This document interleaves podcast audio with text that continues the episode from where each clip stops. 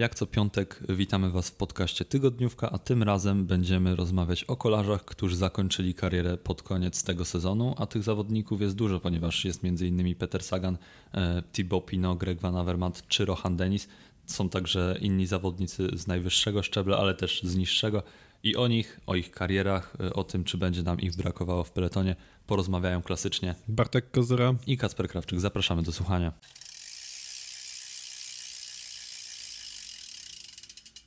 Powiedziałem na początku, że dużo kolarzy zakończyło kariery, y, a przede wszystkim dużo bardzo mocnych kolarzy, kolarzy, którzy stanowili o e, może takiej jakości e, tej całej dyscypliny w ostatniej dekadzie. E, I nie wiem, czy to jest takie wrażenie po prostu, które mamy co październik, że ojejku, ale w tym roku to naprawdę wielu zawodników wybitnych pokończyło kariery. Jak ci się wydaje? Bo moim zdaniem właśnie jest tak, jak powiedziałem na początku, czyli rzeczywiście w tym roku obrodziło, jeśli chodzi o zawodników, którzy się z kolarstwem zawodowym pożegnali. E, tak, rzeczywiście, rzeczywiście tak jest. Mieliśmy przed chwilą dyskusję na ten temat, czy rzeczywiście ten rok jest taki wyjątkowy, czy nie. Bo ja właściwie odkąd zacząłem pracę w naszej SIPL, to mam wrażenie, że no w październiku zacząłem mam takie wrażenie, że tak patrzę sobie na tą listę kolarzy, którzy zakończyli karierę i myślę sobie, o, to chyba sporo więcej tych dobrych kolarzy pokończyło niż w poprzednim roku. I e, być może to jest efekt tego, że, e, że no, nie pamiętamy dokładnie tego, co się działo rok wcześniej, a, a kolarzy dobrych jest na tyle dużo, że, że zawsze ktoś dobry zakończy. E, a być może jest też tak, że po prostu od, od tego 2020 roku tak trochę jest, że im, im wraz z kolejnymi latami coraz, coraz lepsi kolarze kończą bo ono w tym roku jest, jest kosmos pod tym względem, bo Peter Sagan, Greg Van Avermaet, Rohan Dennis, Nasser Buani, Nasser Buani nie pasuje.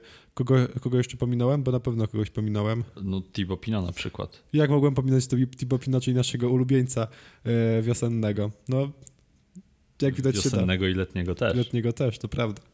No nie, naprawdę. Jest, jest to, ich sporo. To grono jest szerokie. A w 2022 nie wiem, czy było gorzej. Jeśli tak, to, to odrobinkę, bo Alejandro Valverde zakończył na przykład, jeśli nie pamiętacie, Vincenzo Nibali. E, jeszcze było kilku kolarzy. Poratujesz? Oj, teraz mnie wziąłeś z zaskoczenia, A, ale to jest... Richie Port Richie Port. Tak, y, ale y, generalnie to no, sprawdzaliśmy to przed chwilą, więc powinienem to pamiętać. Natomiast y, nie pamiętam. Był też Filip Gilbert, tak, tak który tak, również zakończył karierę w 2022 roku. Czy Kurczę. zapomniany Sonny Colbrelli i Tom Dumoulin, którzy troszkę A, wcześniej no tak, te kariery tak. skończyli. Więc wtedy też naprawdę było Kurczę, nieźle może, w cudzysłowie. Kurczę, może nawet lepiej niż w tym roku. Tak, tak ale myślę poprzednich latach, w poprzednich kilku sezonach było zdecydowanie gorzej, bo w ogóle w pandemicznym roku 2020 mało zawodników zakończyło karierę. Myślę, że to było spowodowane tym, o czym mówił chociażby sam Valverde, że tak trochę głupio kończyć karierę po takim dziwnym sezonie. E, natomiast e, no, w, również w poprzednich latach, jeszcze przed koronawirusem, e, ta sytuacja prezentowała się, właśnie nie wiem, czy użyć słowa lepiej czy gorzej, inaczej, ale. Bardziej imponująco, może tak. Mniej imponująco. W sensie o, teraz tak, jest tak. bardziej no imponująco no tak, niż tak, wtedy. Tak. Wtedy było mniej. E, natomiast no, zdecydowanie mamy o czym rozmawiać, bo tych kolarzy, których oglądaliśmy poniekąd cały czas na szczycie odejdzie w tym roku wielu. I wiadomo, że większość z nich to były trochę takie spadające gwiazdy, no bo Nasser Buani, Greg Van Avermaet czy Peter Sagan swój prime E, mieli dawno za sobą. W takiej samej sytuacji był oczywiście Thibaut Pinot, natomiast on był w stanie jeszcze wykrzesać bardzo dużo z tego ostatniego sezonu. Tak, to był taki przykład Dumbledora z tej jaskini z Horcruxem w Harry Potterze w szóstej części. Ostatni wielki Dokładnie zryw, tak było. a potem już niestety przygnębiająca słabość i koniec taki już, sam koniec mniej imponujący. No to może od niego zaczniemy. Mieliśmy zacząć od Grega Van Avermata, ale jak już zeszliśmy na temat Thibaut Pinot, to czemu nie? Ja w sumie się cieszę, że on skończył karierę. To znaczy, nie w takim sensie, że e, jakoś mi czymś wadził, ale ta dyskusja o nim i te jakieś wątpliwości, te jego marzenia e, i, i to moim zdaniem to jest postać tragiczna kolarstwa, dlatego że kibice kolarstwa go taką uczynili. To znaczy hype wokół jego osoby, szczególnie w tych ostatnich sezonach, gdzie w zasadzie no, nie wiem, czy była w ogóle, y, były jakieś przesłanki za tym, żeby tak pod, nakręcać atmosferę wokół Thibaut Pinot. E, moim zdaniem były przesadzone i byłem troszeczkę zmęczony tą dyskusją, co mogliście posłuchać w podcastach dotyczących Giro d'Italia e, i przed Giro d'Italia. E, natomiast no wiadomo, że była to kariera pełna wzlotów i upadków i pięknych historii, bo ja na przykład sam pamiętam, znaczy no wiadomo, że pamiętamy też te e, dramatyczne historie, oczywiście w cudzysłowie, bo tam nikomu nic się nie stało poważnego, poza tym, że kolarz przegrał wyścig kolarski, e, więc też na tym się świat nie kończy. Natomiast no, był to kolarz romantyczny, który w spektakularny sposób przegrywał wyścigi wielkoturowe, być może dlatego, że nigdy nie miał organizmu e, na, takie, na, na aż taki wysiłek, bo E, no jeżeli się kilka razy e, przegrywa z różnych względów e, wyścigi w ostatnich częściach, to, to może to jest jakiś znak. Natomiast ja się chciałem tu podzielić piękną historią z 2022 roku, kiedy byłem na Tour of the Alps z Oskarem Sosakiem z redakcji na szosie.pl i Thibaut Pinot uciekał na czwartym etapie z metą pod Grossglocknerem. Nie na szczycie, tylko właśnie pod takiej wioseczce. I, i tam E, no, walczył o to zwycięstwo zaciekle, ale ostatecznie został pokonany przez Lopeza, e, który atakował z peletonu z grupy faworytów i Thibaut Pinot na mecie siedział załamany po prostu przez e, kilka minut, płakał, ręce miał schowane za swoimi ramionami i, i później jak udzielał wywiadu, wywiadu po francusku dla L'Equipe, więc niestety wtedy nie zrozumiałem, dopiero później mogłem przeczytać tłumaczenie, to mówił, że, że on jest załamany, że E, że to zwycięstwo było tak blisko i że cały czas czegoś brakuje. I dzień później Thibaut Pinot znowu znalazł się w ucieczce dnia i tym razem był bezko bezkonkurencyjny, pokonując tam Davida de la Cruza e, również w Austrii, w Lienz. I, i dzięki temu e, no, no tak, to było takie przełamanie dla niego i, i też potwierdzenie tego, o czym on, o czym mówi jego tatuaż na ręce, czyli solo Vittoria Bella, tylko zwycięstwo jest piękne ale długo mówiłem, za długo. Teraz twoja kolej, Bartku. E, ja muszę powiedzieć, że ja się kompletnie nie dziwię, że Thibaut Pinot jest postacią tragiczną w e, postrzeganiu kola kibiców kolarstwa, ale to tylko dlatego, że jest Francuzem. Znaczy, gdyby był... To prawda. Gdyby był Polakiem, gdyby był Luksemburczykiem, gdyby był Hisz... nawet Hiszpanem albo Włochem, to w życiu nikt by go nie, nie nazwał e, tragiczną postacią kolarstwa, chyba że E, chyba, że on by. Nie, nikt by w życiu go nie nazwał tragiczną postacią kolarstwa. E, koniec, kropka. Bo pamiętajmy o tym, że Francuzi od 86 roku czekają na zwycięstwo francuskiego kolarza w Tour de France. To bardzo dużo czasu. I mało tego. Przed czasami Thibaut Pinot Francuzi czekali ile? do 97 do 2014 roku, 17 lat na, na, pierwszego francuskiego kolarza na podium Tour de France. I owszem, w 2014 przydarzył się rok niesamowity, w sensie taki po prostu kosmiczny z punktu widzenia francuskiego kibica, bo nie dość, że Pinot był na tym trzecim miejscu jako pierwszy kolarz od od y, tych 17 lat, to jeszcze do tego na drugim miejscu był Jean-Christophe Perrault, a, a, tam gdzieś nieco niżej Tour był... de France myszki Miki trochę.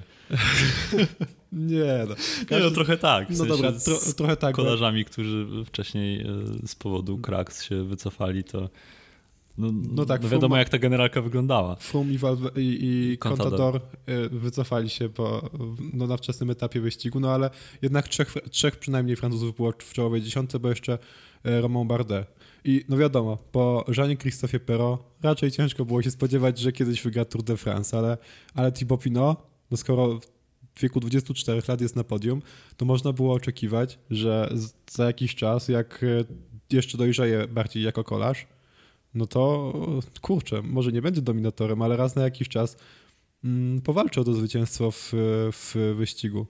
E, na, na zwycięstwo, w którym Francuzi czekają od e, bardzo, bardzo, bardzo dawna.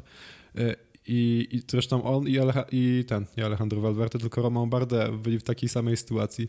I ile... właśnie on, o nim się mówiło jakoś bardziej. Tak, Przynajmniej teraz się no mówi tak. z perspektywy czasu o nim bardziej, a moim zdaniem, znaczy no ale... to jest też fakt, że Bardet miał większe szanse na zwycięstwo Tour de France. Tak, oczywiście, że tak, ale on nie był aż takim talentem i nie miał, i Bardet nie miał aż tylu niepowodzeń, bo Bardet no, raz był drugi, raz był trzeci i zresztą to drugie miejsce stracił wtedy na ostatniej czasówce mhm. wyścigu. Więc e, o Bardet ciężko powiedzieć, że nie wykorzystał potencjału. Natomiast Pino, no Pino w kolejnych latach ani razu nie, nie otarł się nawet za podium, poza jedną edycją, kiedy miał duże szanse na zwycięstwo i sam upatrywałem w nim głównego kandydata do zwycięstwa, bo w górach wymiatał.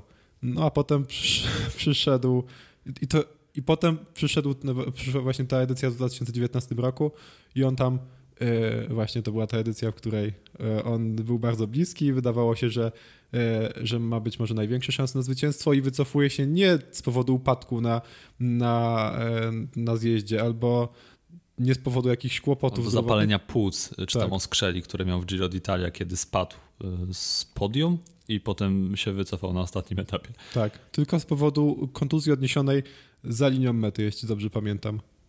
Ja nie wiem, co tam było, bo tam było tyle historii, że w tak. ogóle już tam było o pszczole, o uderzenie się w klamkę udem. Nie wiem, co było prawdziwe, natomiast y, no, wycofał się Thibaut Pinot. To był bardzo smutny moment, jeszcze jak ci wszyscy zawodnicy grupamy go otoczyli i jechali razem z nim, to no było to przykre. Natomiast... No jak tu nie, nie patrzeć na niego jako na postać tragiczną? Przecież on co wyścig, co Tour de France miał, e, miał wielkie oczekiwania i za każdym razem coś, coś się działo. E, w sensie nie był w stanie podołać, a jak już wydawało się, że podoła, to okazało się, że, że taki pech zupełnie niezależny od niego go wykluczył z walki o zwycięstwo. Tak, ale znaczy no też ja jestem daleki od tego, żeby mówić, że on był faworytem zwycię do zwycięstwa, mm. jak tam były dwa górskie etapy bardzo trudne jeszcze przed nimi. Oczywiście, że tak, ale no w tamtym momencie wydawało się... Był silny że, że, on ma, że on ma największe, największe szanse. Przynajmniej ja, ja tak to postrzegałem i też dużo osób patrzyło na to w ten sam sposób. Ja wtedy nie patrzyłem jeszcze na kolarstwo tak jak patrzę teraz, więc y, nie jestem w stanie powiedzieć, mimo że akurat tamten etap śledziłem y, w Paryżu w jednej z kawiarni, ale nie, nie wiedziałem nic o kolarstwie wtedy, więc ja się nie wypowiem. Czy ja oczywiście też wiedziałem dużo mniej, bo ja wtedy pisałem głupotki na swoim blogu i tak dzisiaj czytam te artykuły, to, e, to czasami czuję zażenowanie. Więc tak, e, też nie patrzyłem na kolarstwo w ten sposób do dzisiaj, no ale to było takie moje odczucie jako kibica, który jednak mimo wszystko trochę wyścigów ogląda. Ja miałem od, odczucie, że chciałem, żeby Julian Alaphilippe dowiózł koszulkę lidera, ale niestety to się nie udało, natomiast e, no, Thibaut był zdecydowanie bardzo mocny. No i szkoda, że ale no, tak jest sport po części. Wiem, że to jest y, trywializm, ale jednocześnie, y, że zostawia nam te znaki zapytania, y, na które nigdy nie poznamy odpowiedzi, a myślę, że wiele osób by chciało się dowiedzieć, co by było gdyby. No i tego gdybania, tej gdybologii przy Thibaut jest naprawdę sporo. I, I, myślę, że głównie z tego zostanie zapamiętany, aczkolwiek ja chciałbym zwrócić uwagę bardzo na ten sezon 2023, gdzie on się podniósł i, i naprawdę prezentował się fenomenalnie. E, do tego stopnia, że no kurczę, takie wyniki jak chociażby to piąte miejsce w Giro d'Italia i zwycięstwo w klasyfikacji górskiej. Aż szkoda, że on to... wtedy nie wygrał etapu z Filippo Zaną. Tak, bo... albo z Einerem Rubio, albo z kimkolwiek innym, bo tych... Po tych... A to z tym Einerem Rubio to też było tak, że no, Thibaut Pino sam moim zdaniem, będąc tym kolarzem, romantykiem, brakowało mu czasem głowy i, i, zachowania zimnej krwi, bo jak on się kłócił tam z nimi, że on nie będzie dawał, że on da, tylko on daje zmiany, a inni nie dają, tam z sepedą i, i Rubio ich potem pokonał, no to po prostu a, a on, Thibaut Pino oczywiście pracował najmocniej, no tak. więc y, myślę, że on tam jeździł kompletnie Dało, bez głowy. Dałoby się zrobić to trochę inaczej, ale no jeździł bez głowy, a ostatecznie skończył piąty i wygrał górską, więc e, całkiem okej. Okay. Niesamowicie był mocny tam. E, no ale też widać, widać było po nim, że on widzi, że to jest jego ostatnia szansa na taki spektakularny sukces. E, udało mu się połowić, nie? Bo tak jak mówiłeś, nie wygrał etapu i nie, nie było ani jednego takiego momentu wow, to wow. To jest ten moment, w którym Thibaut Pinot się odradza, no, no bo za każdym razem Piąte... był moment, kiedy Thibaut Pino straci tak. i zadawanie sobie pytania, czy, czy to już jutro, czy to pojutrze na tak. I, kolejnym etapie. I piąte miejsce to jest olbrzymi sukces. Oczywiście. E, moim zdaniem większy niż, wygra, niż wygrana etapowa, ale jednocześnie, no wygrana, tak, tak. ale jednocześnie wygrana etapowa e, powoduje że ten moment eksplozji, a, takiej radości e, u, u, kolarza i jego kibiców też. A piąte miejsce te, czegoś takiego nie daje. y, bo nie, nie ma żadnego takiego jednego momentu, w którym te skumulowane emocje w końcu się uwalniają. Więc to zwycięstwo etapowe mogłoby być takim bardzo, bardzo dobrym dopełnieniem, ale nie można narzekać na to. I też trzeba zaznaczyć, że to było tak, że to była ostatnia szansa Thibaut Pinot na odniesienie spektakularnego sukcesu, ponieważ później było Tour de France. Było Tour de France, było, było wiele innych wyścigów i on tam już nie pokazywał formy. Znaczy nie, tak nie no, w Tour de France było solidnie, było ok. No, no było solidnie. A po ale... tym pierwszym etapie to można było się zastanawiać, co on w ogóle knuje, że czwarte miejsce w Bilbao, to czy on przypadkiem się nie zamienił rolami tutaj z, z Dawidem Godi. Było tak, no ale potem okazało się dość szybko, że że jednak Dawid Godi jest liderem. Ale skończył dwie pozycje wyżej przed Thibaut Pino, więc... Tak, ale no też pamiętajmy, że Thibaut Pino tak nadrabiał te, ten czas zabieraniem się w ucieczki, w których zresztą nie grał pierwszo, pierwszoplanowej no roli. Guillaume'owe Martenowe.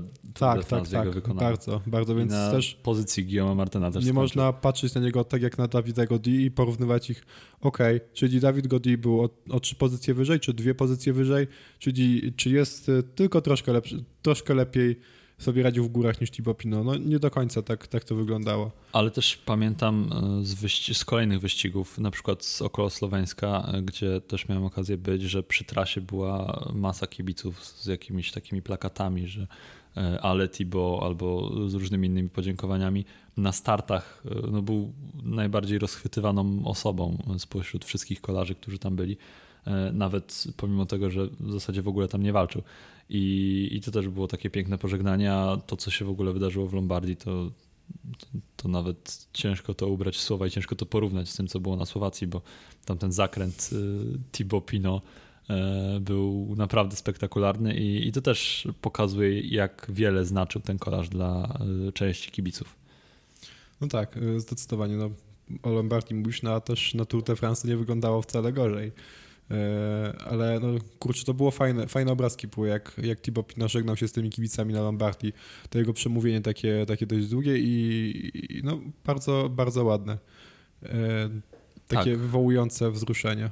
Tak, ale myślę, że jednak pomimo tego, jak wiele znaczył Thibaut Pinot w kolarstwie, to jednak powinniśmy przejść do innych zawodników, bo też y, o nich musimy wspomnieć. A pod kątem wynikowym być wiadomo, że ciężko jest porównywać, ale myślę, że Peter Sagan był jednak lepszym zawodnikiem. Odrobinę, odrobinę lepszym, mimo wszystko. To też jest e, ciekawe, ponieważ być może Peter Sagan nie zakończył jeszcze kariery. E, z tego, co wczoraj powiedział w wywiadzie dla jednego ze słowackich portali, zamierza się ścigać na szosie tylko w mniejszych wyścigach i, i w kilku. E, żeby jakoś tak urozmaicić swoje przygotowania do wyścigów w kolarstwie górskim. Mówi się, że to może być ekipa jego brata, czyli Pierre Baguette, ale sam powiedział, że ma jeszcze jakieś inne opcje z, z firmą Specialized i je rozważają w tym momencie. Natomiast na ten moment Peter Sagan zakończył karierę i zakończył tę karierę troszeczkę po cichu, e, też wyścigiem Tour de Vendée więc jest, jest to wyścig, e, wiadomo, ważny dla sponsora, bo Total Energy e, to jest ekipa właśnie, która ma swoje, swoją bazę w tym regionie, ale no nie było to zrobione z taką pompą, jak w przypadku Thibaut Pinot i, i Lombardii, a też to moim zdaniem, z którym można się oczywiście nie zgadzać, Peter Sagan tak troszeczkę stracił głowę. E, w ostatnim czasie. I mówię tutaj zarówno o wyczynach chociażby na Mistrzostwach Słowacji, gdzie nakrzyczał na młodego Pawła Bitnera po tym, jak się przewrócił na finiszu, e, a także o e, słynnej jeździe po alkoholu skuterem w Monako. No tak, to było dawno temu już. No tak, ale no to już było po tym, jak skończył się ten prime Petera Sagana no tak, w 2018 roku. Tak. I, I to była już taka tendencja zniżkowa później. E, zarówno sportowo, jak i też troszeczkę e, w innych aspektach życia. No tak, ja, ja się z tym zgadzam w 100%. E, no, wydaje mi się, że w ogóle spośród tych wszystkich kolarzy, o których rozmawiamy, to tylko Thibaut Pino odszedł w, pełni, w prawie pełni chwały. No bo wiadomo, Rohan Denis, Rohanie Denisie też będziemy rozmawiać i on w tym roku wygrał etap Tour Down Under. I no, Generalkę. Tak, generalkę Tour, Tour Down Under, czyli ze swoimi kibicami. Nie, przepraszam, co jak mówię, co ja mówię? Nie, etap. Etap Proszę, okej. Okay. nie było tego, co powiedziałem. Dobrze, okej. Okay, czyli Jay Vine wygrał generalnie. Okay. No prawie też, też Australijczyk. Ale wygrał etap po pięknej szarży. Więc... No, czyli no, pożegnał się z tymi swoimi kibicami najlepiej jak, jak mógł. Z tym, że potem były kolejne miesiące i no nie było aż tak dobrze. W sensie to, to, jest, to jest wciąż bardzo solidny kolarz i Jumbo Visma by go z chęcią zatrzymało, ale no to nie jest e, ten kolarz, który wygrywał w 2018 i 2019 roku Mistrzostwa Świata i no daleko, daleko mu do tamtej formy. Tak. Dużo dalej niż Thibaut Wróćmy do Petra Sagana na razie. Tak, tak, to prawda. Wróćmy, bo o nim warto porozmawiać, bo to jest przecież zdecydowanie najlepszy kolarz, tak patrząc całościowo spośród tych, którzy kończą karierę. To jest być może najlepszy kolarz dekady, e, drugiej dekady XXI wieku. No jest taka możliwość, no bo wiadomo. Ciężko to. Jeśli chodzi o, jeśli chodzi o, o klasyki same, no to pewnie Greg, Greg Van Avermaet był od niego lepszy, no ale Bonen. Sagan, no, no tak, tak, tak. Cancellara. Tak, no było ich sporo. Być może nawet Michał Kwiatkowski. Nie, nie, nie, to, e, to akurat bym nie powiedział, bo Sagan ma dwa monumenty wygrane. E3, tak jak Michał Kwiatkowski trzy razy Gandawa FFLGM. No tak, tak, tak. Nie. Nie, nie, aż tak to nie, ale... No i trzy Mistrzostwa Świata, przede wszystkim siedem koszulek punktowych Tour de France, tak, 12 nie, etapów. Nie, nie ma, nie ma porównania. Ale to już nie, nie do Michała nie Kwiatkowskiego, tylko tak ogólnie. I tak, o, tych, o tych e, Mistrzostwach Świata jakby zapomniałem, ale znaczy nie mówię, że całkiem zapomniałem, ale jak myślałem o klasykach, to jak myślę o klasykach, to nie, nie myślę o Mistrzostwach Świata, co jest dość dziwne, ale, no, ale to jest jednak inna kategoria wyścigu trochę niż, e, niż monumenty. W sensie jest to wyścig równie ważny, albo no pewnie nawet ważniejszy, ale no po prostu jak myśli się o klasykach, to się myśli o tym zbiorze, a Mistrzostwa Świata są jakby jakby obok tego, bo nie są rozgrywane w tym samym mieście, bo, bo się nie nazywają tak jak inne wyścigi, tylko to są Mistrzostwa Świata i tak dalej. Według rankingu PCS All Time no. E, jest drugim najlepszym kolarzem, a pierwszym jest Alejandro Valverde, tylko tu trzeba zaznaczyć, że Valverde też się ścigał przez wiele lat w pierwszej dekadzie. Oczywiście Sagan też swoje pierwsze wyniki osiągał właśnie wtedy. Natomiast e, no jednak ten szczyt kariery przyszedł na lata 15 i, i, trochę wcześniej e, i 17, czyli wtedy, kiedy odnosił te sukcesy w Mistrzostwach Świata, ale jednocześnie koszulki punktowe i, i w rankingu cały czas błyszczał od w zasadzie początku właśnie drugiej dekady. Nie, wiesz co, wydaje mi się, że muszę sprostować to, co powiedziałem. On jest lepszym klasykowcem niż Greg Van Avermaet. Jest, nie, jest. Nie, nie ma, nie ma tej wątpliwości chyba.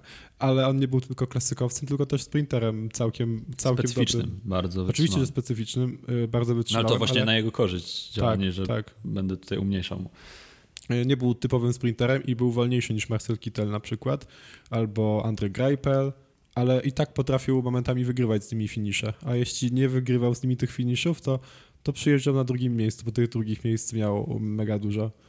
Więc no jest to postać ikoniczna i myślę, że wielu osobom tej charyzmy Petera Sagana, bo myślę, że z tego też jest najbardziej kojarzony, że nie tylko był kolarzem wybitnym, ale jednocześnie kolarzem charyzmatycznym, coś, był kimś, kogo się nie widzi w peletonie zawodowym i no mamy taki troszeczkę mało mamy wyróżniających się zawodników. E, teraz się to troszeczkę zmienia. Tak, bo jest Tadej Pogaczak, tak. który moim zdaniem jest ultra, e, ultra charyzmatyczny. Ale tylko tak w takim fajnym sensie. Był kiedyś taki... Julien Alaphilippe, tak. znaczy dalej jest, ale kiedyś znaczył w peletonie, w sensie jego pozycja była troszeczkę wyższa niż teraz. E, I, I to chodzi zarówno, ale w przypadku Tadeja Pogaczara, tak jak Petera Sagana, to jest taki styl bycia, e, tak. a nie tylko spektakularna jazda, chociaż oczywiście to też. To Pogaczar akurat, jeśli chodzi o spektakularną jazdę, to, e, to nawet przewyższa Juliana Ala Filipajt tak no, oczywiście. No, a, ale wracając do Petera Sagana, to było niesamowite, jak on... Mi się najbardziej podobała ta akcja z podpisywaniem książki. To było, to było super. W sensie nie wiem, czy Pewnie widzieliście, no bo, e, no bo przecież wszystkie osoby, które nas czy słuchają... na Turmale? Chyba na Turmale.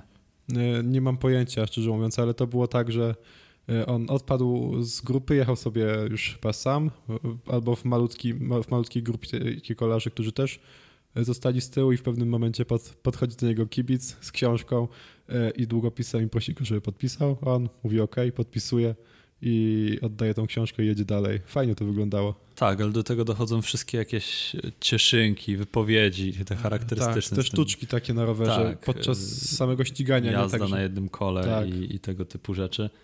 No będzie to kolarz na pewno no na pewno jest to największa postać, która kończy karierę w tym, po tym sezonie. Pytanie tylko, czy rzeczywiście ją skończy, bo sam mówi, że tak niby tak, ale nie do końca.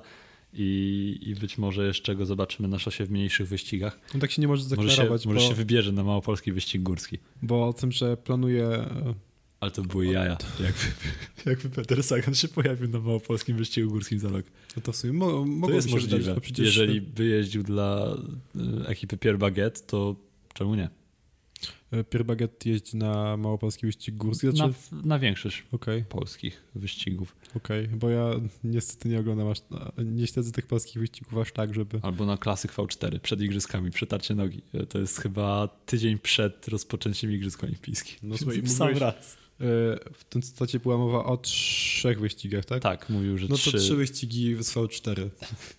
A może, a może nawet cztery pojedzie. No przecież e, czy pojedziesz trzy czy cztery wyścigi, to co to za różnica? Całą serię niech zrobi. Tak, i wygra e, całą tak, klasyfikację tak. generalną tak. i najlepszego Słowaka. Chociaż e, może przegrać z Łukaszem Kubisiem, bo nigdy nie wiadomo. A w tym sezonie Peter Sagan nie był najlepszym kolarzem. E, niestety, troszeczkę mu brakowało, widać, że odstawał i też przykre było to, bo poświęcono mu w zasadzie całą ekipę, no tak jak zawsze, tak jak Peterowi Saganowi, a jednak tym poziomem sportowym odstawał od, od reszty, chociaż wiadomo, że były solidne wyniki, ale no, ani razu chociażby nie stanął na podium, e, poza Mistrzostwami Słowacji, gdzie zajął drugie miejsce. Tak, zajął też ósme miejsce na etapie Tour de France, ale nie wiem, czy to jest jakiś mega powód do dumy. W sensie, no to jest bardzo dobry wynik, ale to też nie jest tak, że ósme miejsce na etapie Tour de France ratuje sezon czy coś. Zwłaszcza, to był pojedynczy wyskok. Tak, ale też widać, myślę, ja wiem, że nie mnie ani nikomu kończyć e, jakiemuś zawodnikowi karierę, ale że to już był taki ostatni dzwonek, żeby powiedzieć pas, bo e, no, szło to w złą stronę. W sensie widać było, że, że to już nie jest ten Peter Sagan i i też y, no to jest interesujące, bo Peter Sagan to kolarz, który już był bardzo młody, kiedy się wybijał. I on był takim jednym z pierwszych kolarzy. Wi wiadomo, że byli też inni, był Tom Bonnen na przykład, ale y, no teraz dla nas to jest normalne, że dwudziestolatkowie wygrywają wyścigi world tourowe, a, a za jego czasów to nie było takie wcale oczywiste. Jak ja zaczynałem oglądać kolarstwo, no to było prawie wtedy, kiedy zaczynał Peter Sagan, no to ci kolarze z rocznika 90, 1990 to wydawali mi się tacy, wow, oni są, oni są strasznie dobrzy, oni mają tylko 23 lata i już, już potrafią, e, już potrafią e, tak, tak mocno walczyć o zwycięstwa w wyścigach. Peter Sagan był pierwszym z nich, który, e, który zagościł w, takim, w takiej szerokiej światowej czołówce, bo on zaczął, zaczął wygrywać jeszcze przed tym, jak ja w ogóle myślałem o tym, że, że kiedykolwiek będę oglądał wyścigi kolarskie, no bo to było w 2011 roku, jak wygrał etap Vuelta Espania na przykład, albo etap Tour de Pologne. Czekaj, chyba, że w 2010 jeszcze coś wygrywał. Wydaje mi się, że mogło tak być. No w 2010 y, wygrywał etapy Tour de California i Paryżnica, no tak, no był już wtedy w szerokiej światowej czołówce y, kolarzy, więc y, no 20 lat miał tylko. Tak, i myślę, że też widzimy taki zjazd po, y, po tym, jak skończył 28 lat, że, że wtedy coś zaczęło się psuć. E, natomiast y, no, może to jest spowodowane po prostu jakąś y, eksploatacją organizmu za tych wczesnych lat. Albo po prostu tym, Albo że, że stylem organizm... życia być może Mogłoby tak być, ale też e, nie wiem, czy, czy musimy gadać o, o, o, stylu życia Petera Sagana, bo tak naprawdę to my wiemy tylko, my znamy tylko wyrywki z jego no życia. Oczywiście, może on tak. się prowadził w miarę profesjonalnie, tylko zdarzały mu się pojedyncze wyskoki. E, także no nie wiem, czy, czy jest sens akurat e, o tym mówić. Nie, nie o to Natomiast chodzi, to, jest tylko... 10, no to, jest, to jest 10 lat na najwyższym poziomie. To nie, nawet nie musi być kwestia eksploatacji, tylko, tylko tego, że każdy organizm jest inny i zaczyna swój, e, swój prime e, w określonym momencie i, i kończy. E, e, bo być może, być może Peter Sagan, nawet gdyby nie zaczął eksploatacji swojego organizmu w tak młodym wieku, no to ten jego prime może i tak skończyłby może i tak skończyłby e, w 2020 roku, no bo to jest jednak 10 lat. No tak. 10 jest... lat na bardzo wysokim poziomie, bo w 2020 roku wygrał etapy Giro d'Italia. To jest kolejna rzecz e, właśnie, jeden, ale, jeden etap Giro d'Italia. ale ja bym też e, piłem do tego generalnie, że e, nie, nie chodzi mi tutaj o przyglądanie się stylowi życia Petera Sagana, tylko bardziej o to, że no, to był to nie był idealny moment, żeby skończyć karierę szosową, natomiast no, to był taki ostatni dzwonek, żeby zrobić to na jeszcze jakkolwiek wysokim poziomie, bo widać, że z roku na rok ten poziom był coraz niższy i niższy, a teraz jeszcze no wiadomo, że nie walczył o najwyższe pozycje, ale jednocześnie gdzieś tam się w, w szerokiej czołówce kręcił. Zdarzało mu się to. A, a być może w kolejnych latach byłoby z tym jeszcze gorzej i no i skończyłby Peter Sagan troszeczkę jak Chris Froome w tym momencie. Czyli y, jakaś postać, która ściga się w ciele dawnego mistrza. To prawda i zapewnię, że jeszcze wróci, ale chyba nikt już mu w to nie wierzy. Ale akurat z Chrisem Froome'em, który nie kończy kariery, tak. E, bynajmniej, ciekawe było to, e, jak, bo o tym się trochę zapomina, jak on rok temu był trzeci na etapie Tour de France. I, i to było niesamowite. Nie no, właśnie ja pamiętam tamten, e, tamten występ i ja myślałem, że to może być jak, jakaś zapowiedź tego, że Chris Froome nie będzie, nie będzie wprawdzie walczył o zwycięstwo w całym Tour de France, choć on sam pewnie uważa inaczej. E, chociaż ostatnio jakoś tak ciszej, rzadziej mówi o tym, że, e, że wróci, no ale nieważne. Ale liczyłem na to, że być może stać go będzie na, e, na kolejne takie niezłe występy i że, i że wygra etap, czy to Tour de France, czy Giro d'Italia jeszcze. To nie nadeszło na razie. Nie, nie nadeszło i raczej nie nadejdzie, bo, bo to była taka niestety jedna jaskółka, który, która nie uczyniła wiosny wcale. To nie jest tak, że, że to był taki sygnał, że oto wielki mistrz się przebudza. No niestety nie, nic takiego się nie wydarzyło, a w tym roku w ogóle Froome chyba nie pojechał na Tour de France i miało to zresztą pretensje do, e, do włodarzy Israel Startup Nation. Tak, natomiast włodarze Israel Startup Nation, w szczególności Sylvan Adams, mają pretensje w sumie nie wiem, sami do siebie mogą mieć pretensje, że związali no, się i mają. z Chrisem Frumem tyluletnim kontraktem, a e, to jednak nie jest kura znosząca złote jaja. No nie, ale oni też sami mówili, że to był ich błąd. W sensie, jak patrzyłem na ich wypowiedzi, to to, to było głównie obwinianie siebie, że, yy, że trochę dali się nabrać na tych starszych kolarzy, bo to nie był tylko Chris Niemożliwe. Zupełnie tak, jakby na szosie.pl o tym nie pisało w 2020 roku, albo jeszcze wcześniej. E, tak, tak. Taki Kacper Krawczyk był z na szosie.pl i pisał. No to wcześniej na pewno nie pisałem, bo w 2020 dołączyłem do redakcji na szosie.pl, ale no jeżeli ja to zauważyłem, to wydaje mi się, że osoby odpowiedzialne za prowadzenie ekipy też mogłyby to dostrzec przy y, polityce transferowej i ustalaniu tego, kto e, do ekipy dołącza, ale nie o tym. No ale patrz, ale Domenico Pozzovivo, nie, Domenico Pozzovivo też jakoś. Czekaj, Domenico Pozzovivo jak e, dołączał do Intermarché to też był, przecież on jest bardzo stary i jakoś potrafi osiągać dobre wyniki. No tak, bo najwyraźniej trzeba było wziąć dobrych starych kolarzy. E, ale o, ale lepszym przykładem jest Mark Cavendish. Czy powiedziałbyś, że Mark Cavendish po transferze do Quickstepu osiągnie sukces? Powiedziałbym, że Marka Cavendisha nigdy nie można skreślać. I tak okay. napisałem, to pamiętam do dzisiaj, napisałem tweeta y, w, na początku roku, że Marka Cavendisha z takim pociągiem nie można skreślać i potem wygrał cztery etapy Tour de France. Oczywiście w życiu bym nie powiedział, że on wygra etap Tour de France, ale no, nie skreślałbym takiego zawodnika, który też myślę, że, znaczy wiadomo, że nie na początku e, tej przygody z Quickstepem, ale później jak już pokazał, był tam chyba trzeci, wcześniej. E, okay. On był trzeci w Elfsteden Ronde chyba? Tak, tak, bo on tam miał ten, sezon, ten początek sezonu bardzo dobry wtedy. W jednym z belgijskich wyścigów zajął trzecie no. miejsce, to pamiętam bardzo dobrze. I potem przyszedł ten Tour of Turkey. O nie, był drugi w Grotte Prix Jean-Pierre Monser. Więc y, to był taki wynik, który pokazał, że ok, trzeba mu się przyglądać. E, no a Chris Froome miał też taki wynik w tym właśnie etapie z metą na Alp Due. Natomiast y, no, na razie nie pokazał tego, że, że jest w stanie jakoś trochę chociaż nawiązać do dawnego poziomu, ale tutaj też warto wspomnieć, że Chris Froome kariery nie kończy. Tak. Dlatego możemy wrócić do tych, możemy, którzy karierę kończą i na przykład do Grega Van Avermeta.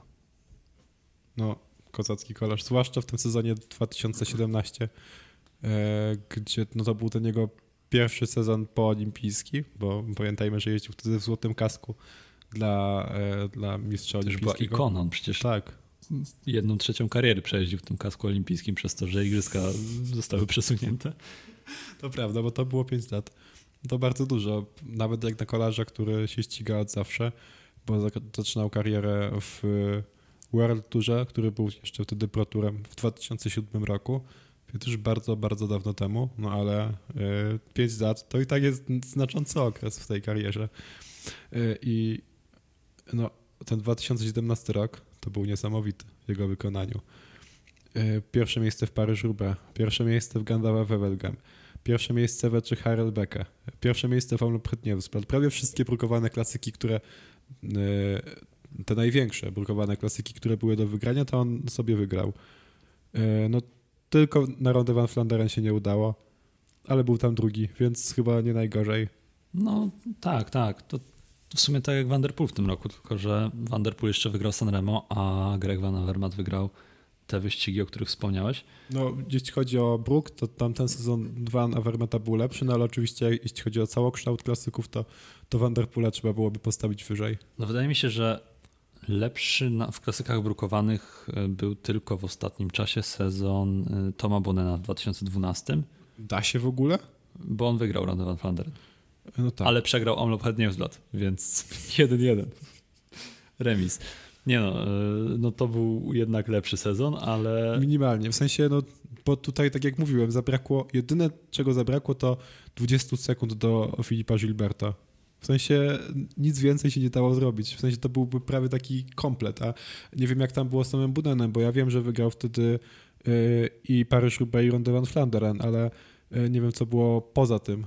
Bo... No poza tym Gandawa, Fefelgem i E3. No to w takim razie było. I drugie było miejsce lepiej. w Omlop Newslet. No to było lepiej, było lepiej. Ale, no... no ale Tom Bonen to już przeszłość. Greg Van Avermaet powoli też Właściwie teraz już też. do przeszłości, e, ale on miał taki swój last dance w, e, tam w maju w wyścigach francuskich. E, wygrał e, Book Lone, co było sporym zaskoczeniem, a kilka dni wcześniej, dosłownie dokładnie dzień wcześniej, zajął czwarte miejsce w Tour du Finisterre i, i też fajnie, że, że taki kolarz, to wtedy wydaje mi się, że nawet mówiliśmy, bo nagrywaliśmy podcast wtedy, tak. kiedy ten wyścig się odbywał. O samym wyścigu nie rozmawialiśmy, ale no zawsze to jest taki miły akcent jak kolarz, który wiadomo, że już kończy przygodę z kolarstwem. E, no, sięga po zwycięstwo i to w jakiejś nie e, ogórkowej, w cudzysłowie oczywiście, obsadzie, tylko w wyścigu, który no naprawdę listę startową ma całkiem solidną i pokazuje taki swój ostatni błysk. No tak, ale to tak jak w przypadku Petera Sagana, on już zdążył odbrązowieć. On już, e, w sensie on jest jakby chodzącą legendą, ale to nie jest tak, że patrzysz na E, nagrywa Evermeta i widzisz w pierwszej, w pierwszej kolejności żywą ikonę, tylko widzisz kolarza, który zawodzi. E, no tak, tak to wyglądało nawet mimo tego zwycięstwa w Boucle de Lens, bo też umówmy się, że Boucle de Lens to, to nie jest taki wyścig, w którym, e, którym, w którym zwycięstwo można było uważać za taki choć trochę znaczący sukces w całej karierze Grega Van Avermeta. No oczywiście, że nie, no, bez przesady. Jedynie jako właśnie ten, ten last dance i, i ostatnie zwycięstwo i, to tyle tak naprawdę, bo kurczę, tam, tam nie było jakiejś mega mocnej obsady. Znaczy Florian Werner... Była solidna. Tak, była solidna, ale nie bardzo mocna. O, ale też... Bjorn zajął tam trzecie miejsce. No tak, a Jon Barenecza, który dołączy w przyszłym roku do Movistaru. Możecie o tym przeczytać na nasze.pl. Natomiast e, w pozostałych wyścigach e, no jednak było nieco gorzej. E, w zasadzie tylko dobrze, solidnie było w czterech dniach Dunkierki, a w pozostałych było, było po prostu źle. Chociaż też Greg Van Avermaet to nie jest kolarz w ostatnim czasie, który będzie walczył w każdym terenie, w każdych wyścigach, ale no widać, że też już był ten zmierzch jego kariery i on nadchodził od dłuższego czasu i, i nie ma się co dziwić, że właśnie ten rok e, Greg Van Avermaet wygrał, wybrał na pożegnanie się z kolarstwem. I to też nie takie ładne, no bo pamiętasz to zamieszanie przed Tour de France, że miał pretensje o to, że go zespół nie wziął na ten wyścig. Tak, y, ja polecam ogólnie rozmowę Grega Van Avermeta w podcaście Bobby and Jens. E, wydaje mi się, że już kilka razy nawiązywałem do tego podcastu. E, super rozmowy e, po angielsku z kolarzami i kolarkami e, i także gościli Grega Van Avermeta. Ojejku, dzisiaj mój jest aparat mowy jest tak mocny jak Greg Van Avermet w tym sezonie, a dodatkowo Ale tak lepszy chrypę, mój, bo... Więc przepraszam ogólnie wszystkich za, za to, że nas, nie no mnie, nie, nie nas, że mnie słuchacie. E, natomiast wracając do tego Grega Van Vermeta, on tam dzielił się swoimi przemyśleniami na temat zawodowego kolarstwa, też o, o swojej karierze i także o początkach tego mogliście nie wiedzieć, ale Greg Van Vermet zaczynał przygody ze sportem jako bramkarz. Grał w piłkę nożną, więc nie tylko Remco Evenepoel, E, nie tylko Michael Woods, e, inne sporty uprawiał Primoz Roglic, to wszyscy wiemy, ale Greg Van Avermaet był bramkarzem. A hokeistą był Wojciech Repa, który też skończył karierę. A teraz jest Petr Czech. Tak, e, więc no, może Wojciech Repa też po zakończeniu kariery zostanie bramkarzem hokejowym, kto wie. A Greg, Van Avermaet będzie bramkarzem piłkarskim. Tak, tego nigdy nie wiadomo ale myślę, że możemy przejść też do innych zawodników, którzy kończyli tak już na koniec, bo nie będziemy się rozgadywać na temat kolarzy, którzy e, no, jednak nie skupiali aż tak dużej uwagi e, naszej i też myślę, że wszystkich kibiców. E, wielu pomocników solidnych zakończyło karierę na szczeblu world tourowym. A to już przechodzi do tych, do tych nie, nie. pozostałych kolarzy? Tak, tak. Ale to jeszcze Ale Denis Nasser była, była nie Wiem, wiem, właśnie chcę tak czasu. po prostu zatoczyć takie koło. Dobrze, nie przeszkadzam w takim razie. że wielu pomocników, e, bardzo solidnych kolarzy, ta lista jest naprawdę długa, można ją znaleźć między innymi u nas na stronie. Ten artykuł Kuby Jarosza pewnie będzie jeszcze aktualizowany. Z kim się żegnamy? Tak, e, a dodatkowo na stronie Pro Cycling Stats, tam jak się troszeczkę dostosuje różne filtry, to powinno się wyświetlić poprawnie, e, ale no na przykład e, jest w tym gronie Immanuel RVT, e, Jose Joaquin Rojas, czyli w zasadzie no, ta frakcja Alejandro Valverde w Movistarze już się kończy i powoli umiera śmiercią naturalną. Jest wielu Francuzów, którzy też zawiesili rower na kołku. Frakcja Thibaut Pinot? Tak. I Zdenek Sztybar to też myślę, że. A nie wiem, czy to frakcja Thibaut Pinot. To nie jest frakcja Thibaut Pinot, ale to jest e, frakcja kolarzy bardzo mocnych, e, trzykrotny mistrz świata w kolarstwie przełajowym, e, ale też na szosie znakomity klasykowiec, który pożegnał się bardzo ładnie trzecim miejscem w hongkongskim cyklotonie. Oglądałem ten wyścig, Team J. Alula zrobiło tam wszystko, żeby ten wyścig wygrać, to się udało, ale nie uczynił tego Zdenek Sztybar, a Lukas Postelberger. Aż Tybar wjechał na metę jako trzeci i po zakończeniu dostał tort e, z jego podobizną e, na rowerze, także bardzo miło ze strony organizatorów. No ale przejdźmy do tej dwójki, o której wspomniałeś wcześniej, czyli Nasser Buani, Rohan Denis. Od kogo chcesz zacząć? Chociaż mi się wydaje, że wiem od kogo, bo ty jesteś fanem ja Nassera jestem... Buaniego. Nigdy nie, nie, kiedyś byłem fanem Nassera Buaniego, ale to było wtedy, kiedy mm, obchodziło mnie tylko to, to, co się dzieje na szosie, e, a, a to, co y, poza szosą, nie szczególnie mnie interesowało. E, no ale tak, jak w 2014 roku wygrywał etapy Giro d'Italia i Vuelta Espania, to no, bardzo go polubiłem, bo lubiłem kolarzy, którzy wygrywają. I uwaga, e, bardzo mnie też oburzyło to, że on wtedy odszedł do Cofidisu, że został do tego w sumie zmuszony przez to, jaką decyzję podjęła ekipa, która wysłała e, Arno Demara na Tour de France. I tak mi się wydawało wtedy, że to jest błąd, że to jest bardzo duży błąd, że zdecydowali się postawić na tego Francuza. Historia pokazała, że niekoniecznie, bo Arno Demar wygrał e, Milano Sanremo i wiele etapów Giro d'Italia, nieco mniej etapów Tour de France, bo nie wiem, jeden chyba, w każdym razie ta liczba nie była aż tak imponująca. Ale w każdym razie chyba dziś nie ma nikt wątpliwości, że to Arno Demar jest tym lepszym kolarzem i nie mają też co do tego wątpliwości dyrektorzy Arkea Samsic, którzy znowu, tak jak wtedy, tak jak wtedy e, w udarze grupa MFD, uznali, że warto poświęcić Błaniego dla Demara, tak teraz w sumie podobną decyzję podjęli działacze Arkea i Samsic, którzy ściągnęli Demara i i także z tego powodu Nasser Bułani musiał się pożegnać z Arką Samsik, bo e, no bo... Nie, wydaje mi się, że on już wcześniej to planował, że... Być może, bo on w ostatnim czasie też miał problemy zdrowotne i tak dalej, ale to... to się w ogóle a to, jest ładna, a to jest ładna klamra, to jest bardzo ładna klamra, że, że Demar go wypchnął z FDŻ i, i spowodował, że że Błań został zmuszony do takiego wygnania i teraz znowu ten Demar przeklęty przychodzi, na Błań kończy karierę. Zepsułeś mi narrację tym swoim wtrąceniem. Przepraszam. Ale no, na Sarabuaniego trapiły problemy zdrowotne i myślę, że to już w ogóle, znaczy wcześniej też nie było najlepiej, ale w ubiegłym roku, jak miał tę ciężką kraksę w turowterki, z której e, no, nie wyszedł obronną ręką i w ogóle zakończył sezon w, w kwietniu.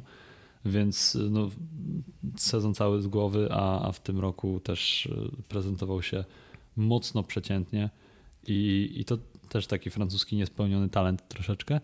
Natomiast no, fajna jest ta, znaczy fajna, ciekawa jest ta klamra właśnie, że znowu Arno Demar przychodzi i, i Nasser Błani odchodzi, tym razem z kolarstwa na dobre. E, jest to kolejny kolarz, który był specyficzny, trochę charyzmatyczny, ale e, bardziej w złym znaczeniu tego słowa, ponieważ e, pamiętamy jego wybryki. I też wydaje to mi się, też nie że... były wybryki tylko na szosie, bo pamiętamy te, ten, nie wiem, to było chyba Cholet, wtedy z tym Jake'em Stewartem, jak go wypchnął w barierkę, no tak. to było to wyglądało strasznie i to też nie, nie był jedyny taki raz. Bo Wypchnięcie, to, jakieś odzywki. tak, no to prawda. A potem, a potem sam mówił, że padł ofiarą tak. rasistowskich tekstów. Ze po Jake'u Stewarcie i po tej sytuacji, tak. że kibice do niego wypisywali. Nie wiem, czy będzie nam go brakować, ale też, o, to jest ważna rzecz przy nas, Naserze Błaniem. Myślę, że ze względu na to, co on wyczyniał e, w pewnych sytuacjach e, na szosie, i zestawiając tamte rzeczy z tym, co się później działo, sędziowie i całe środowisko było na niego wiele bardziej cięte niż na całą resztę. I nawet y, był taki profil na Twitterze, chyba dalej jest. Co by było, gdyby daną rzecz zrobił Nasser Błani? I dawano tam jakieś y, filmy, czy tam zrzuty ekranu z y, właśnie transmisji, gdzie kolarze wypychali pozostałych albo tam barkami jakoś się przepychali i, I, jak zareagowaliby sędziowie, gdyby w tym miejscu był Nasser Błani, gdyby to on był e, tą, e, tym, tym zawodnikiem, który e, dokonał jakiegoś przewinienia. No tak, tak było rzeczywiście, ale też on sobie na to zasłużył. W sensie zawsze jest tak, że jeśli ktoś robi recydywę, no to ponosi większe konsekwencje niż ktoś, komu się to zdarzyło pierwszy raz. I, i to też nie jest jakieś złe, aczkolwiek mm, wydaje mi się, że tak generalnie nie obraziłbym się, gdyby sędziowie zawsze karali wszystkich tak, jak karają na Sarabuaniego, bo wtedy Breton byłby miejscem takim e, bezpieczniejszym. No tak. E, a teraz jeszcze znalazłem, że Nasser Błani chociażby pobił się z Sofiane Takuczem, który był jego sparring partnerem bokserskim. A, ale to pobił się na, na ringu, czy poza tak, nim? na ringu. A, no to... I powiedział, że po zakończeniu kariery chce zostać bokserem. O, no to więc fajnie możesz zobaczymy. sprawdzić w tej Dlatego to dlatego właśnie powiedziałem, że się na pewno z kimś pobił. Ale ponieważ... nie, nie wiem, czy można to określić pobiciem się. No, to jest po prostu walka Stoczył pojedynek. O. No, stoczył pojedynek, pojedynek na, pięści, na pięści. Nie gołe, tylko w rękawicach. Nie wiem, czy nie gołe. No. Trzeba, trzeba się jego zapytać. Nie no, ale jak to był sparring bokserski, to chyba jednak w rękawicach. No tak, no ale może coś innego wymyślić. No tutaj na zdjęciach ma rękawice, Dobrze. możecie zobaczyć no zdjęcia. Może są też jakieś filmiki. E, można zobaczyć na Sara Bułaniego e, w trakcie pojedynku bokserskiego. Zresztą taka była też jego jedna z cieszynek. Ja bardzo szanuję bokserów. Więc no, to myślę, że tyle o Nasarze Bułanim. Tak. A teraz przejdziemy do kolejnego, ostatniego już w naszym podcaście, specyficznego kolarza, jakim jest Rohan Denis. I ja tutaj podzielę się swoją opinią na jego temat to jest e, opinia następująca, że jeżeli jest kolarz, który odchodzi w 2019 roku po skandalu z Bahrain Merida, po zejściu z trasy Tour de France i w zasadzie przez chwilę w ogóle nie było wiadomo, gdzie on jest, co on zrobił. E, Taki trochę Sam Bennett i e, jego pożegnanie z Saudal Quickstep. Tak. Tylko być może jeszcze, jeszcze mocniejsze. Potem jedzie Mistrzostwa Świata na nieobrędowanym rowerze BMC ale, ale to już po jak, zerwaniu kontraktu. Jakby Patrick Lefebvre coś takiego zobaczył w swojej ekipie, to ja nie chcę wiedzieć, co by się wydarzyło. E, no ale wracając do, do, nie do sama Veneta, tylko do Rohana Denisa. Potem wygrał Mistrzostwo Świata. E, dołączył do Team Ineos. Był tam dwa sezony i po dwóch sezonach przeszedł do Jumbo Visma. Moim zdaniem coś jest nie tak z kolarzem, który zmienia tak ekipy i i, i tak często przy, o, przechodzi z jednej do drugiej i wydaje mi się, że on jakoś nie mógł znaleźć swojego miejsca e, po rozwiązaniu się drużyny BMC. I, i też to mogło spowodować trochę zakończenie kariery. To jest oczywiście spekulacja, natomiast y, coś mi w nim nie pasuje. Trzeba było zostać w CCC i wszystko, wszystko było dobrze. Tak, trzeba było zostać w CCC i wtedy my, polscy kibice, moglibyśmy się cieszyć jego występami, a on sam byłby dwa kolejne sezony najlepszą wersją siebie. Przecież CCC było o krok, o włos. Ja tutaj pokazuję świata. teraz od dwóch mistrzostw świata. No tak, bo to prawda. Rohan Denis i Matteo Trentin, więc ale by było, ale by było, ale tak się nie wydarzyło. Być może sam Rohan Denis żałuje, że to się nie wydarzyło. Na pewno. Zresztą Matteo Trentin też na pewno żałuje, że to się nie wydarzyło, bo akurat u niego to nie byłaby zmiana decyzji co do, co do e, klubu. On już był ogłoszony jako kolarz chyba. Tak, tak, tak tylko wydaje. to by była de decyzja losu, który by spowodował, że to on e, ma tęczową koszulkę. Lepiej mieć tęczową koszulkę niż jej nie mieć. Ale to jest niesamowite, że Mateo Trentin mógł zostać mistrzem świata, a został nim Mats Pedersen i teraz z perspektywy czasu to nie jest absolutnie zaskakujące, no. ale wtedy no, to, to było ciekawe tak. e, wydarzenie. Ale wracając do Rohana Denisa, to naprawdę coś, coś mi nie gra. W sensie za dużo było takich dziwnych momentów. E, odejście jeszcze z Ineos, bo tego nie powiedziałem, e, a to też e, można powiedzieć, że wyciąga wnioski na podstawie tylko zmiany ekipy, ale chodziło mi tutaj o to, że on po zakończeniu przygody z Ineos Grenadiers udzielił takiego wywiadu, w którym powiedział, że po co być w ekipie, która kopiuje wszystko od najlepszej drużyny świata, jaką jest Jumbo Że jeżeli ma się wybór, to lepiej być w tej, która jest oryginalna i która wprowadza jakieś innowacje, a nie w tej, która te rzeczy kopiuje.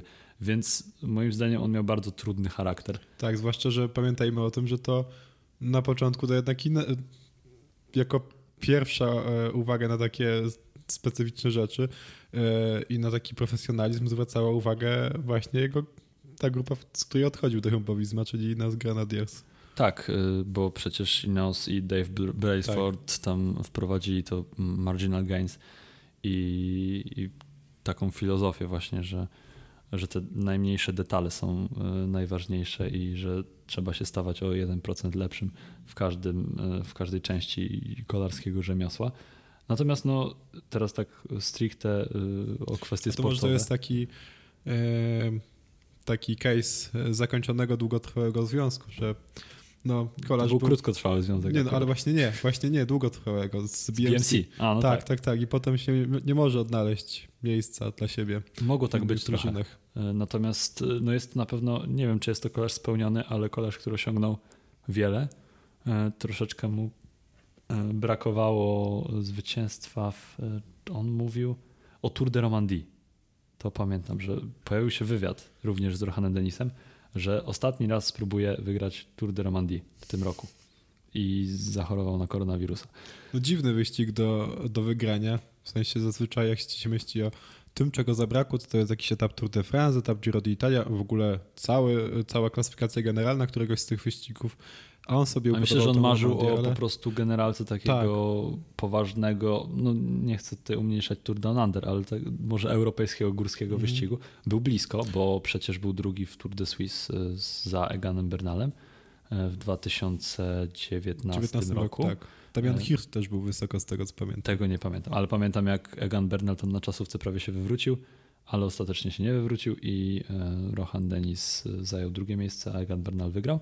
Natomiast y, no też myślę, że pomimo tego, co Rohan Denis osiągnął, wygrywając chociażby etapy wielkich turów y, czy dwukrotnie Mistrzostwo Świata, to zostanie najbardziej zapamiętany, przynajmniej w moich oczach, z Giro d'Italia 2020.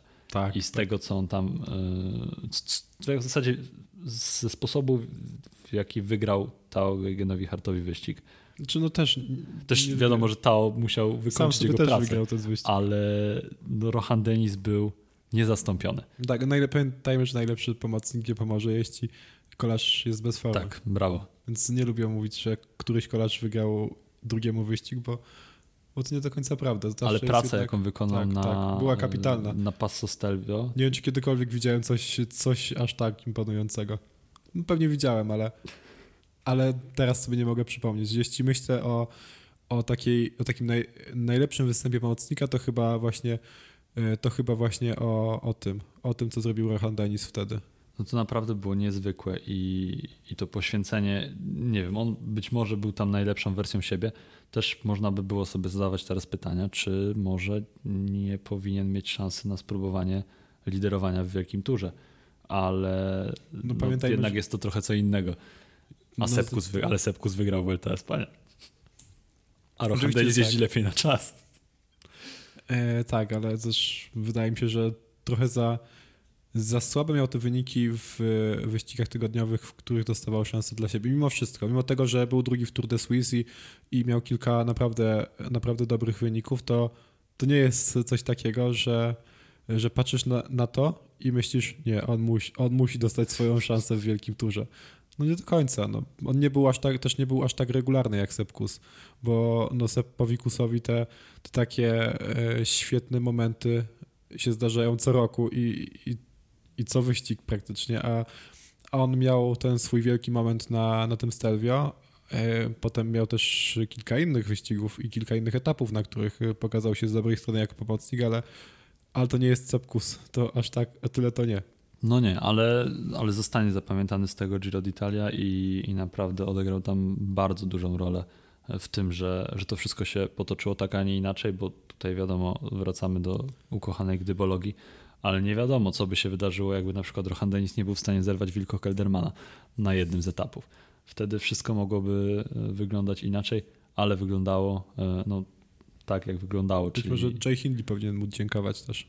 Może tak, bo Jay Hindley również był beneficjentem zerwania Wilko Keldermana, chociaż e, myślę, że dla drużyny Sunwebu wtedy chyba jeszcze E, byłoby lepiej, jakby to Wilko Kelderman ostatecznie był liderem, ponieważ to na niego stawiali w pierwszej części wyścigu, a Jay Hindi był pomocnikiem. I słabym czasowcem. Tak. Co okazało się Wilko potem. Kelderman też nie był wybitnym czasowcem. Ale był lepszym. tak dwa razy lepszym. E, a Rohan Dennis był czasowcem wybitnym. E, troszeczkę zaliczył zjazd, jeżeli chodzi o wyniki czasowe w, po tam 2019 roku, no ale nie można odebrać mu dwóch koszulek E, mistrza świata w, w tej specjalności. I e, nie pamiętam, czy on jakiś medal też e, zdobył poza tym. Ale, w sensie medal Igrzysk Olimpijskich? To medal Igrzysk Olimpijskich to tak, bo wtedy co Jumbo Visma zdobyło pierwsze trzy pozycje. Natomiast chyba nie zdobył żadnego medalu Mistrzostw Świata poza tymi dwoma złotymi. A, okay. Ale, ale no, był dominatorem przez, przez te dwa lata. Także to. No a później przyszedł Filip Oganna i no i się, się skończyło. skończyła zabawa. Tak, A... i on tak y, przy tym pogannie to wygląda no bardzo słabo. W sensie każdy czasowiec...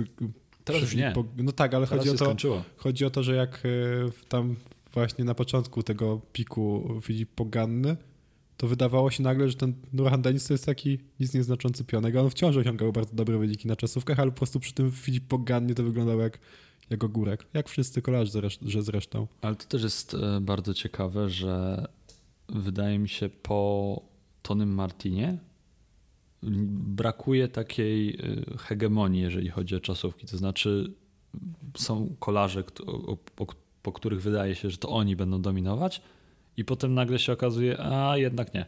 Bo Filip Pogana przecież też wydawało się, że no przecież nikt nie jest w stanie e, mu zagrozić jakkolwiek. A tu się okazało, że w 2022 roku to Filip Ganna nawet nie stanął na podium Mistrzostw Świata. Wiadomo, że te Mistrzostwa Świata były specyficzne, ale to nie zmienia faktu, że nie znalazł się w czołowej trójce. A też nie wiem, czy przecież ten, ten pik Toniego Martina też nie był jakiś mega długi. No cztery, no trzy lata. Trzy lata, no Filip ale... Ganna dwa i to, to był taki taki pik, że wygrywał wszystkie czasówki jak, leci, jak leci, więc też nie wiem, czy, czy trzeba mówić, że... No i Cancellara był wcześniej. No właśnie. Znaczy właściwie to Cancellara się trochę pokrywał z Martinem. No ale tak... był wtedy Bradley, Bradley Wiggins jeszcze był oprócz nich, on też... Ale nie było aż, ale nie, aż, no, nie, aż, nie na aż takim poziomie mi się wydaje. Nie na aż takim jak... poziomie? On, znaczy... Wydaje mi się, że on ma z trzy mistrzostwa świata w jeździe indywidualnej Wiggins na ma jedno. Jedno? To, to co? Tak. Okej, okay, to ale ma za to Igrzyska Olimpijskie. No ma. Kurczę, naprawdę tylko jedno Mistrzostwo Świata ma. O kurczę. E, to tak, e, to aż tak, aż tak nie, aż tak nie w takim razie. Ale to też jest e, ciekawe właśnie z, tymi, z tym brakiem dominacji i no dobrze, bo znaczy nie wiem, czy dla ciebie dobrze, bo Bartek jest fanem hegemonii, ale ja jestem e... fanem zróżnicowanych e, kolarzy i, i zróżnicowanych jestem, czołówek. Jestem fanem e, wielkich nazwisk i rywalizacji wielkich nazwisk, czyli dla mnie taka sytuacja, jak jest obecnie w kolarstwie, jest optymalna, bo nie ma jednego dominatora, który sprawia, że wyścigi są nudne, ale jednocześnie jest na tyle E, dużo kolarzy, którzy w skali historycznej osiągają wielkie rzeczy, że ta ich e, rywalizacja rozpala wyobraźnię. Tak jak mówiliśmy. Czyli dla mnie w sumie... Co za, optymal... co za czas by żyć. Tak, dla mnie optymalnym czasem, bo e, by śledzić czasówki, był właśnie ten okres Toniego Martina, Bradley'a Wigginsa i Fabiana Cancellary. Czyli te lata, gdzie się na zakładkę tak tak, tak. Dobrze. Wydaje mi się, że to wszystko. Ale to warto też za zauważyć. Albo nie. Warto też zauważyć, że E, wymieniliśmy przede wszystkim tych pięciu kolarzy, którzy zakończyli karierę. No, Greg Van Avermaet jest już bardzo stary, ma 38 lat. E, nie wiem, czy będzie nam dane tyle dożyć, bo to jest już bardzo podeszły wiek. E, a tak na poważnie to pewnie, pewnie dożyjemy, miejmy nadzieję. Natomiast jak na kolarza to jest już dość sporo. Natomiast pozostali Thibaut Pinot, Rohan Denis, Nasser Bouani i ktoś, kogoś brakuje jeszcze. Rohan Denis, Nasser Bouani, E, Peter Sagan, e, Thibaut Pinot. Wiesz, co ich wszystkich łączy? Rocznik 90. Dokładnie tak. Jestem, jestem ciekaw, czy był kiedykolwiek w historii kolarstwa tak, tak mocny rocznik jak tamten, e, w którym kolarzy tak wcześnie zaczęliby osiągać sukcesy. Przecież oni wszyscy, pra, praktycznie wszyscy, już w 2013-2014, czyli wtedy, kiedy ja zaczynałem oglądać kolarstwo, byli już w światowej czołówce. A tak jak mówiliśmy, to nie było, to nie było wtedy normą, że tacy młodzi kolarze walczą y, o te najwyższe lokaty. I ich jest mega dużo, nie wiem, kilkanaście y, nazwisk to pewnie będzie takich, które robią naprawdę duże wrażenie. I dzisiaj, kiedy ci kolarze mają 33 lata, to właściwie na scenie pozostali. Kto pozostał oprócz Michała Kwiatkowskiego? Oj, Bar, Barde jest jeszcze całkiem no. niezły, chociaż wszyscy schodzą powoli ze sceny już, ale na takim najwyższym poziomie. Mamy chyba tylko Romana Bardę, Michała Kwiatkowskiego i nie wiem, ciężko mi w tym momencie wy wymienić, bo... Jeszcze jest Nairo Quintana. Nairo, tak, który... ale właśnie mówię o tych, którzy jeszcze nie zeszli ze sceny. A, a Nairo Quintana nie zszedł ze sceny, on cały czas wierzy. Dobrze, cały czas wierzy, Nie w ale... ich menadżerze w karierze się trzyma bardzo dobrze. No Wziąłem tak. go jako wolnego zawodnika, razem z Lopezem. No, u mnie... E... Zestaw kolumbijski. W karierze mojego brata też Michał Kwiatkowski się trzyma całkiem dobrze i nawet chyba był w czołowej dziesiątce Tour de France, co ciekawe. Chociaż to nie mój brat go prowadzi. O, no ale Nairo Quintana kariery nie skończył oficjalnie, więc o nim nie mówimy. E, on cały czas wierzy, że ekipę znajdzie, chociaż kolejne drużyny, o których się mówi, e, zaprzeczają. W tym gronie były m.in. Bahrain Victorious czy Koratek. E, no ale będziemy o nim mówić, jak się coś wyjaśni, a na razie myślę, że możemy zakończyć tak, ale ja jeszcze bym chciał zapowiedzieć swój felieton, czy naj, jakiś najbliższy tekst, nie wiem w sumie, jaką, jaką on formę przybierze, ale będę się zastanawiał chyba, czy, czy y, ten rocznik 1990 jest taki niesamowity, jak mi się wydaje, czy po prostu to jest jakaś taka magia wynikająca z tego, że oni wchodzili do kolarstwa wtedy, kiedy ja zaczynałem się nim interesować. No tak, y, będziemy kończyć, tak jak tak. powiedziałem. Y, ja muszę zmykać na dyżur, żeby dostarczyć Wam informacji na naszosie.pl, które możecie tam przeczytać, a my zapraszamy Was do udostępniania, do obserwowania i do komentowania naszego podcastu, podcastu na szosie.pl. I oceniania, tak. E, a podcast prowadzili klasycznie i Kacper Krawczyk. Do usłyszenia za tydzień w piątek.